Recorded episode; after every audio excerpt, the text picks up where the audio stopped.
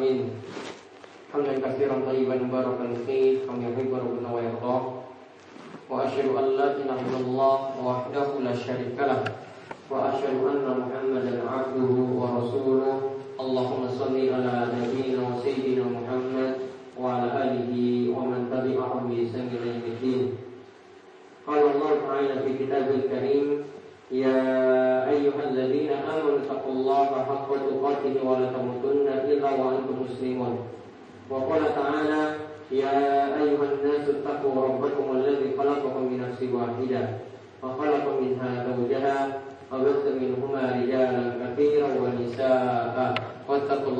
الذي تساءلون به والأرحام إن الله كان عليكم رقيبا.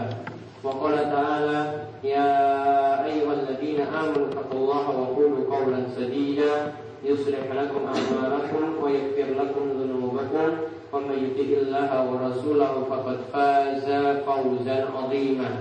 فإن أصدق الحديث كتاب الله وخير الهدى هدى محمد صلى الله عليه وسلم وشر الأمور محدثاتها. وكل محدثة بدعة وكل بدعة ضلالة وكل ضلالة في النار Masyarakat muslimin, para jamaah Salat Jumat yang mungkin selalu dirahmati dan diberkahi oleh Allah Subhanahu wa taala. Alhamdulillah kita bersyukur pada Allah atas nikmat yang Allah anugerahkan kepada kita sekalian sehingga pada kesempatan Jumat yang penuh barokah ini di hari yang Allah Subhanahu wa taala berkahi kita dimudahkan untuk melangkahkan kaki kita untuk melaksanakan sholat Jumat secara berjamaah. Kita bersyukur pada Allah Subhanahu wa taala atas nikmat yang besar ini dan lebih juga Allah memberikan kita nikmat iman dan nikmat Islam dan mudah kita dimudahkan untuk memanfaatkan nikmat-nikmat tersebut untuk melakukan ketaatan kepada Allah Subhanahu wa taala. Kemudian salawat dan salam juga kita curahkan kepada junjungan kita yang besar Nabi Agung Muhammad Sallallahu Alaihi Wasallam kepada Khulafaur Rasyidin, kepada Ummahatul Mukminin, istri-istri beliau yang tercinta dan kepada setiap para ulama yang memperjuangkan Islam. Dan mugi-mugi kita juga termasuk di antara pengikut salafus saleh yang mengikuti jejak para ulama yang berada di jalan yang lurus. Masyarakat muslimin jemaah sholat Jumat yang mungkin selalu dirahmati dan diberkahi oleh Allah Subhanahu wa taala. Di dalam Islam beberapa pelanggaran itu dilarang karena hal ini melanggar beberapa prinsip kebersamaan. Di antaranya ini berkaitan dengan hak Allah dan juga berkaitan dengan jarak manusia, juga ada yang berkaitan dengan kehormatan atau jiwa dan ada yang berkaitan dengan masalah harta. Ada empat hal yang Nabi SAW disebutkan dalam hadis yang sahih yaitu Nabi SAW itu mengatakan ala innama kunna arba'un. Ingatlah bentuk larangan hal-hal yang diharamkan itu ada empat. Ingatlah hal-hal yang diharamkan itu ada empat. Kemudian Nabi Sallallahu Alaihi Wasallam itu merincinya. Yang pertama, Allah tusyriku billahi syai'a. Janganlah kalian berbuat syirik kepada Allah. Kemudian yang kedua, wala taqtulun nafsal lati haramallahu illa. Janganlah kalian membunuh jiwa yang telah Allah haramkan. Wala taznu. Yang ketiga, janganlah kalian itu berzina, selingkuh, yang melakukan hubungan intim yang tidak halal wala tasriku dan janganlah pula kalian itu mencuri. Janganlah pula kalian itu mencuri. Masyarakat muslimin para jamaah sekalian yang mungkin selalu dirahmati dan diberkahi oleh Allah Subhanahu wa taala. Kita lihat ada empat larangan besar.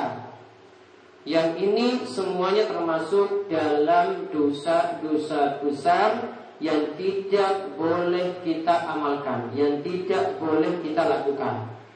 Yang pertama adalah dosa syirik, yaitu menyekutukan Allah, yaitu kita beribadah kepada selain Allah, yaitu segala macam ibadah yang disajikan atau yang ditujukan kepada selain Allah itulah yang disebut dengan kesyirikan. Ya, disebutkan oleh para ulama ja'alu syai'in minal ibadah li ghairillah. Yang namanya kesyirikan itu adalah menjadikan satu bentuk ibadah kepada selain Allah, menjadikan satu bentuk ibadah kepada selain Allah. Maka misalnya ada tumbal yang diberikan pada selain Allah, ada sesaji yang disajikan pada selain Allah, ada sedekah lauk yang disajikan pada selain Allah. Itu termasuk kesyirikan dosa besar dan inilah yang dimaksud dengan kezaliman yang paling besar. Ada juga bentuknya adalah disebut dengan syirik asgar, syirik kecil. Yaitu ketika orang itu beramal cuma cari pujian. Orang itu beramal ya cuma ingin didengar oleh orang lain. Ada yang beramal ingin cari gelar. Ini semua juga termasuk kesyirikan karena Nabi SAW itu ditanyakan mengenai uh, dosa yang bahaya. Yang ini Nabi SAW sebutkan dalam hadis lebih bahaya daripada fitnah atau godaan dajjal. Maka ketika, ketika itu Nabi SAW itu menyebutkan syirkul asgor wa huwa riyah yaitu yang dimaksudkan situ adalah syirik kecil yaitu riya yaitu dalam beramal ingin cari pujian ya dia sodakoh sebanyak 100 ribu ingin orang-orang itu tahu bahwasanya dia adalah wong suki dia adalah orang yang gemar bersedekah dia adalah orang yang gemar untuk memberi Ya, dia cuma ingin mencari pujian saja. Dia menolong orang lain juga biar dicatat namanya di pengumuman atau biar dikenal oleh orang banyak. Tidak mengharapkan ridho Allah Subhanahu wa taala. Amalan-amalan seperti ini adalah amalan-amalan yang sia-sia karena Allah memerintahkan kepada kita untuk beribadah kepada Allah Subhanahu wa taala semata dan tidak boleh kita itu menunjukkan satu ibadah pun kepada selain Allah. Allah berfirman, wa ma umiru illa liya'budullaha mukhlishina lahuddin hunafa. Dan kalian telah diperintah untuk beribadah kepada Allah Subhanahu wa taala semata dan hendaklah kalian menempuh jalan yang lurus. Itu larangan yang pertama yaitu dosa syirik. Ya sekali lagi ini larangan yang paling besar yaitu dosa kesyirikan. Kemudian yang kedua yaitu membunuh satu jiwa. Ini bisa jadi dilakukan ya karena dendam. Bisa jadi karena hasad, karena iri atau dengki. Bisa jadi juga karena kepentingan yang lainnya atau dia tidak punya harta, kemudian dia merampok, merampas dengan paksa dan juga membunuh orang lain. Di sini Nabi katakan wala taqtul nafsallati haramallahu illa bilhaq. Janganlah kalian bunuh satu jiwa yang diharamkan bagi kalian untuk membunuhnya. Diharamkan bagi kalian untuk membunuhnya. Membunuh seperti itu tidak dibolehkan. Bahkan dalam hukum Islam. An-nafsu bin nas. Yang namanya membunuh satu jiwa dibahas dibalas juga dengan membunuh satu jiwa. Contohnya misalnya ketika seseorang itu melakukan perampokan kemudian dia sampai membunuh orang lain dan mengambil harta orang lain. Maka Allah katakan dalam surat Al-Maidah ayat 33, "Innama jazaa'ul ladzina yuharibuna Allah wa rasulah wa yas'auna fil ard fasadan ayyuk ayyuqattalu aw yusallahu aw tuqatta'a aydi aydihim wa arjuluhum min khilaf aw yunfau minal ard." Yaitu bagi orang yang merampok yaitu memerangi Allah dan Rasulnya dan membuat kerusakan di muka bumi yaitu dengan merampok maka dia itu pantas untuk dibunuh lalu disalib ya yaitu para ulama terangkan dia disalib terlebih dahulu dalam keadaan hidup dan orang-orang itu melihatnya lalu setelah itu dia dibunuh atau dia dipotong tangan dan kaki secara bersila yaitu tangan kanannya itu dipotong pada pergelangan kemudian kaki kirinya itu dipotong pada pergelangan pula jadi dalam keadaan silang. Ini ketika dia merampok kemudian dia tidak membunuh, namun cuma merampas harta orang lain saja. Atau kalau dia itu melakukan teror, maka hendaklah dia dibuang dari negerinya, diasingkan atau diterangkan oleh ulama Syafi'iyah orang ini dipenjara atau diasingkan sebagaimana pelaku zina yang berzina itu diasingkan. Maka kita lihat hukuman yang berat. Imam Zahabi itu mengatakan kalau orang melakukan teror saja, menakut-nakuti orang lain, ya mengatakan ini ada bom di mall ini atau di supermarket ini ada bom atau di masjid itu diletakkan sesuatu yang bahaya saja meneror orang lain ini Imam Zahabi katakan termasuk dosa besar apalagi sampai merampas hartanya, apalagi sampai mengambil jiwanya, sampai membunuh. Ini juga termasuk dosa besar, ya dan ini yang dosa besar yang Nabi SAW sebutkan yang nomor dua. Kemudian yang ketiga, Nabi SAW menyebutkan wala tasnu. Janganlah kalian itu berzina. Berzina ini dikatakan oleh Allah Subhanahu wa taala sejelek-jeleknya perbuatan Allah katakan wala taqrabu zina innahu kana fahishatan wa sa'a. Janganlah kalian mendekati zina. Karena perbuatan zina itu adalah perbuatan keji dan sejelek-jeleknya jalan untuk ditempuh. Maka seorang muslim tidak boleh merampas kehormatan, keperawanan orang lain dengan jalan zina atau walaupun dengan alasan ridho atau suka sama suka sampai lewat akad nikah yang sah. Dan dosa zina ini semakin besar jika dilakukan dengan tetangga, dengan orang dekat, apalagi dengan sedulur, ya punya hubungan dekat, kemudian selingkuh berzina, maka hukumannya lebih besar. Nabi SAW pernah ditanyakan mengenai dosa besar, kemudian beliau itu menjawab, antuzani bihalilati jarika yaitu engkau berzina dengan ya tetangga dekatmu ya engkau berzina dengan tetangga dekatmu cuma samping rumah ditakut setiap hari melewati rumahnya kemudian ya kita berzina dengan istri tetangga kita maka ini dosanya lebih besar daripada orang itu berzina dengan orang yang jauh. Dan ini sejelek-jeleknya perbuatan yang kecil, namun seperti ini ada juga di tengah-tengah masyarakat kita. Bahkan ada yang dengan saudara perempuan dari istri itu ada pula yang melakukan hubungan zina dengan wanita semacam itu padahal masih punya hubungan karena pernikahan. Kemudian yang terakhir yang Nabi SAW itu menyebutkan wala tasriku. Janganlah kalian itu mencuri. Yang dimaksudkan mencuri di sini adalah mengambil harta orang lain dengan jalan yang tidak benar secara diam-diam. Jadi ada makanan di toko, ada jajanan di toko, ada jam di toko. Kemudian ada yang masuk ke dalam toko tersebut kemudian mengambilnya tanpa bayaran. Ini namanya sarikoh dalam bahasa Arabnya atau kita terjemahkan dengan mencuri. Dalam hukum Islam, jika seseorang itu mencuri maka hukumannya itu berat yang ada yaitu potong tangan jika sekali mencuri. Sebagaimana yang Allah itu katakan wasariku wasariqatu faqta'u aydiyahum jazaan bima kasaba nakalan minallahi wallahu azizun hakim.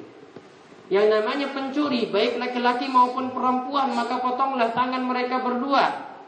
Sebagai balasan atas apa yang mereka lakukan, atas apa yang mereka kerjakan. Inilah hukuman dari Allah. Dan Allah itu maha perkasa dan benar-benar maha adil. Karena dia mencuri, dia mencuri dengan tangannya, maka tangannya ketika itu yang dipotong, yaitu pergelangan tangan kanannya. Ketika berulang kedua kalinya, maka yang dipotong itu adalah pergelangan kaki kirinya. Jadi dibuat silang. Jika berulang lagi, maka nanti orang tersebut ya dihukumi untuk masuk penjara ya sesuai dengan lama penjara yang sesuai dengan keputusan dari hakim yang memutuskan hal itu. Nah ini empat dosa besar sebagian dosa ini ada di tengah-tengah kita yaitu dosa kesyirikan. Kemudian yang kedua adalah membunuh Kemudian yang ketiga adalah berzina atau selingkuh dan yang keempat adalah dosa mencuri. Kita mohon pada Allah Subhanahu wa taala mungkin kita diselamatkan dari empat dosa tadi. Allah juga menyelamatkan keluarga kita dari dosa-dosa tersebut dan memberikan kita kemudahan untuk meniti siratal mustaqim menjadi orang-orang yang bertakwa lagi beriman kepada Allah Subhanahu wa taala. Aku qouli hadza wa astaghfirullah li wa lakum wa muslimin innahu huwas samiul alim.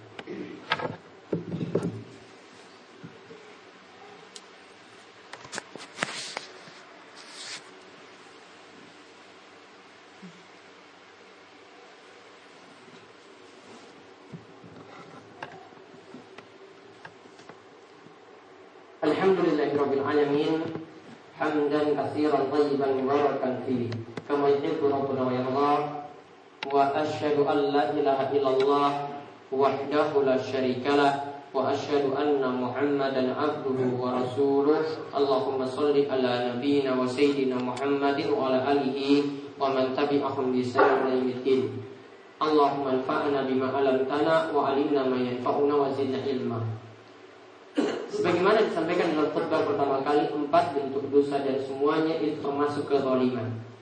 Dan yang namanya bentuk dosa semacam itu akan menjadi kegelapan dan kesulitan pada hari kiamat. Nabi SAW pernah mengatakan Al-zulmu zulumatu yawmal qiyamah Yang namanya kezaliman Itu adalah kegelapan pada hari kiamat. Dan Nabi SAW juga mengatakan Itaku zulma Fa inna zulma zulumatu yawmal qiyamah Wattaku syuha Fa inna syuha ahlaka man kana qablakum. Kata Nabi SAW dalam hadis yang diriwayatkan oleh Imam Muslim Ya hati-hatilah kalian, waspadalah kalian dengan perbuatan zalim. Jangan sampai nyakiti orang lain Jangan sampai berbuat zolim pada orang lain. Karena yang namanya kezoliman itu akan menjadi kegelapan pada hari kiamat. Dan juga janganlah kalian itu bersikap pelit Hati-hatilah dengan sikap pelit. Karena sikap pelit, kikir, bakhil Itu semua telah membinasakan orang-orang sebelum kalian. Maka kita mohon pada Allah semoga kita selamat dari sifat zalim dari menyakiti orang lain dan kita juga dijauhkan dari sikap pelit yang dapat membinasakan kita sebagaimana membinasakan umat umat sebelum kita.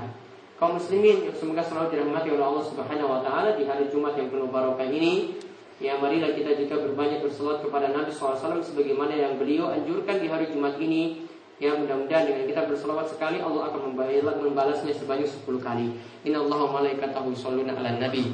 Ya ayyuhalladzina amanu sallu alaihi wa sallimu taslima. Allahumma salli ala Muhammad wa ala ali Muhammad kama shallaita ala Ibrahim wa ala ali Ibrahim innaka Hamidum Majid. Allahumma barik ala Muhammad wa ala ali Muhammad kama barakta ala Ibrahim wa ala ali Ibrahim innaka Hamidum Majid. Marilah kita berdoa kepada Allah mungkin Allah memperkenankan setiap doa doa kita. Allahumma fir muslimin wal muslimat wal mu'minin wal mu'minat al ahya minhum wal amwat innaka sami'un qaribun mujibud da'wat.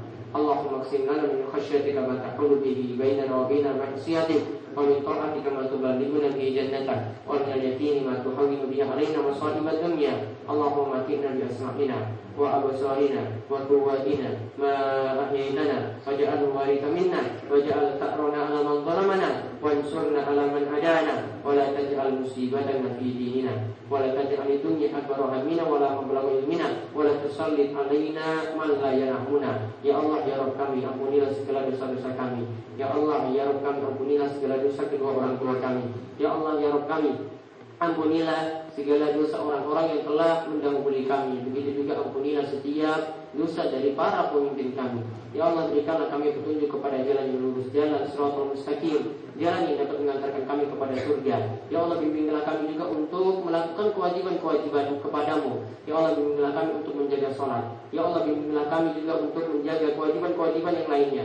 Dan juga bimbinglah kepada istri kami dan juga anak-anak kami semoga menjadi orang-orang yang soleh yang dapat memperhatikan setiap kewajiban-kewajiban dan menjauhi segala macam larangan. Ya Allah berikanlah kemakmuran kepada negeri kami ini.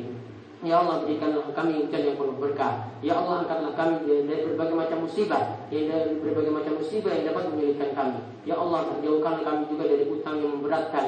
Ya Allah jauhkanlah kami juga dari berbagai macam penyakit yang menyulitkan. Ya Allah jauhkanlah kami pula dari keadaan waktu tua yang penuh dengan kejelekan. Rabbana atina fid hasanah وفي الآخرة حسنة وقنا عذاب النار ربنا آتنا في الدنيا حسنة وفي الآخرة حسنة وقنا عذاب النار ربنا آتنا في الدنيا حسنة وفي الآخرة حسنة وقنا عذاب النار إن الله يأمر بالعدل والإحسان وإيتاء ذي القربى وينهى عن الفحشاء والمنكر والبغي يعظكم لعلكم تذكرون ولذكر الله أكبر أقيموا الصلاة